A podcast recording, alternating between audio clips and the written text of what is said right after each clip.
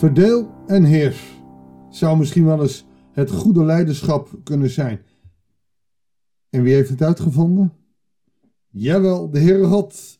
Via Mozes gaat hij het leiderschapsteam van Israël uitbreiden, zodat er uh, breder en gedragener leiderschap kan zijn over Israël. Leuk dat je weer luistert. Goeiedag en hartelijk welkom bij een nieuwe uitzending van het Bijbels Dagboek. Alweer de laatste uh, dag van deze week. We gaan lezen nummer 11, de versen 10 tot en met 23. Het volk is onderweg, er wordt geklaagd. Uh, en Mozes gaat in conclaaf met de Heer. Vers 10. Toen Mozes vernam dat alle families zaten te klagen bij de ingang van hun tent en dat de Heer in hevige woede was ontstoken, was dat zijn ogen onjuist. Hij vroeg de Heer: Waarom doet u diener dit aan? Waarom geeft u mij de last van dit hele volk te dragen? Bent u niet goedgezind? Ben ik soms zwanger geweest van dit volk? Heb ik het ter wereld gebracht? Mij gebieden om het in mijn armen te dragen, zoals een voedster een zuigeling draagt. En het is en het zo naar het land te brengen dat u aan uw voorouders onder ede beloofd heeft. Mozes neemt zijn taak serieus. Hij wil het volk dragen. En hij heeft het straks over 600.000 mensen. Op een gegeven moment is die telling uh, eh, 1,2 miljoen, dus het dubbele. Dit gaat Mozes nooit redden. En daar komt hij nu achter. Want ze komen bij hem klagen. Ze worden boos. En dan zegt de Heer: Bent u mij dan niet goed gezind? Heb ik soms dit, dit volk klagen in een zwangerschap? Oftewel, het is toch uw kind? Ze komen bij mij klagen dat ze vlees willen. Waar haal ik voor dit hele volk vlees vandaan? Ik alleen kan de last van dit volk niet dragen. Dat is te zwaar voor mij. Als u mij zo wil behandelen, dood me dan maar. Als u me werkelijk waar goed gezind bent, dan blijft verdere ellende bij mij gespaard. Mozes is het zat. Hij kan het in zijn eentje niet aan. Kan hij ook iets vriendelijker zeggen, maar hij is duidelijk. En de Heer antwoordt Mozes: Breng 70 van de oudsten van Israël bijeen, van wie je weet dat ze hun taak als opzichter van het volk goed vervullen. En laat hen naar de ontmoetingstent komen om zich daar bij jou te voegen. Ik zal neerdalen om daar met jou te spreken. En een deel van de geest die op jou rust, zal ik op hen overdragen. Dan kunnen zij samen met jou de last van het volk dragen en hoef je het niet langer alleen te doen. Verdeel en heers. Mozes krijgt hulp en die worden ook door Gods geest ontzettend goed begeleid. Oftewel, ze worden vervuld van Gods geest. En tegen het volk moet je zeggen: zorg ervoor dat u morgen rein bent. Dan krijgt u vlees te eten. U hebt immers bij de Heer geklaagd dat u geen vlees hebt en dat u in Egypte zo goed had. Wel nu, de Heer zal u vlees geven en vlees en vlees eten zult u. Niet zomaar één dag, niet twee dagen, niet vijf tot tien dagen of twintig dagen, maar een volle maand. Totdat het u de neus uitkomt en u er misselijk van wordt. Ik heb dat net even gekeken, maar het de neus uitkomen is een agressieve vorm.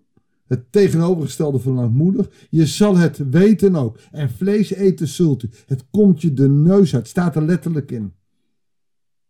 Je zult er misselijk van worden. Oftewel, klagen. Bij Mozes, doe even normaal. Klagen, ik heb je bevrijd.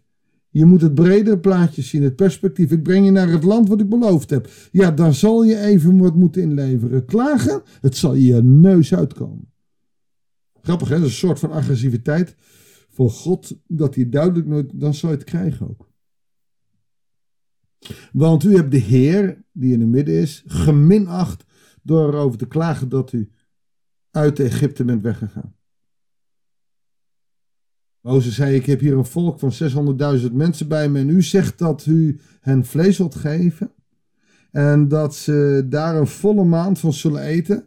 Mozes wordt wat um, sceptisch. Hoe zou u dat doen? Je moet denken aan de discipelen en Jezus die uh, eh, 5000 man te eten geven. Ze zijn sceptisch. Hoe gaan we dat doen? Vijf broden en twee vissen. En het hele volk krijgt te eten. Hoe zou er ooit genoeg schapen, geiten en runderen voor hen kunnen worden geslacht? Zelfs als alle vissen van de zee gevangen worden, zouden ze daarna niet genoeg aan hebben. Maar de Heer antwoordde: Schiet de macht van de Heer soms tekort? Je merkt dat God hier ook een beetje duidelijk wordt naar Mozes. Die moet leren dat de macht van God. Je zult spoedig zien of wat ik je heb gezegd ook gaat gebeuren. Hij wordt hier niet boos op Mozes, maar wel duidelijk. En het is heel erg belangrijk. Je moet niet denken dat je alles maar kunt zeggen. Mozes. Je wilt zien dat de macht van God groter is. Ik heb je uit, het, uit Egypte bevrijd. Met al die plagen, je hebt het kunnen zien. Zelfs Mozes is sceptisch. Ja, als je 600.000 man te eten moet geven. Maar is voor God iets te moeilijk? Hoe zit het dan met jou en met mij in onze dagelijke omgang met God? Als wij denken van, nou ja, dit, dit kan niet, dit is onmogelijk. Is er voor God iets onmogelijk? Maar het onmogelijke geloven, dat is voor ons zo moeilijk. Daarom is geloven lang niet altijd even makkelijk. Maar we mogen weten dat God een God is van liefde en genade. Dat God een God is die heel dicht bij ons zal zijn. Dat God een God is die het onmogelijke kan doen, ook in ons leven. Misschien moet je er wel na gaan denken. Is dat wat ik vraag, wat ik eis? Brood nodig. Kijk, aan het volk.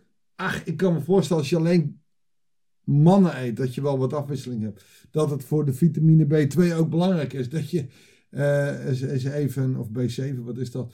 Ehm, wat, wat vlees eet. Maar als God gezegd heeft dat het zo goed is, dan is het goed. Dan zou er niemand hoeven te sterven van. En toch het volk klaagt. En het zal ze de neus uitkomen. Zullen we samen gaan bidden? Heere God, het leven is voor ons niet altijd even makkelijk en het komt ons ook wel eens onze neus uit, alleen dan op een negatieve manier. En dan klagen we, zoals het volk weet te klagen. Heer, wilt u wilt u ons blijven zegenen. Ook al verdienen wij het niet, wilt u dwars door ons geklaag heen ons alstublieft blijven aanraken. Maar wil ook door de kracht van uw geest ons hart openen dat we zien dat u ons helpt. En dat bij u niets onmogelijk is. Dat we ook leren te vertrouwen op u en dat bij u niets onmogelijk is. En dat we leren om te vertrouwen op het feit dat bij u niets onmogelijk is. Heer wil ons dat leren door de kracht van uw geest. Dat bidden wij u. In de machtige naam van onze Heer Jezus Christus. Amen. Ik zat te denken als wij klagen over dat bij God hè, zoveel niet gedaan wordt. Dan zouden we alleen al in deze lijdenstijd eens moeten kijken naar dat wat God gedaan heeft voor ons. Ik heb naast mijn computer weer een crucifix staan. Jaren geleden van een luisteraar gekregen. Hij heeft voor ons geleden aan het kruis. Hij is voor ons gestorven. En daarmee is onze schuld afgedaan bij God. Is niet zo mogelijk. Ik wens je een heel goed weekend. God zegen. En graag tot de volgende uitzending van het Bijbelsdagboek.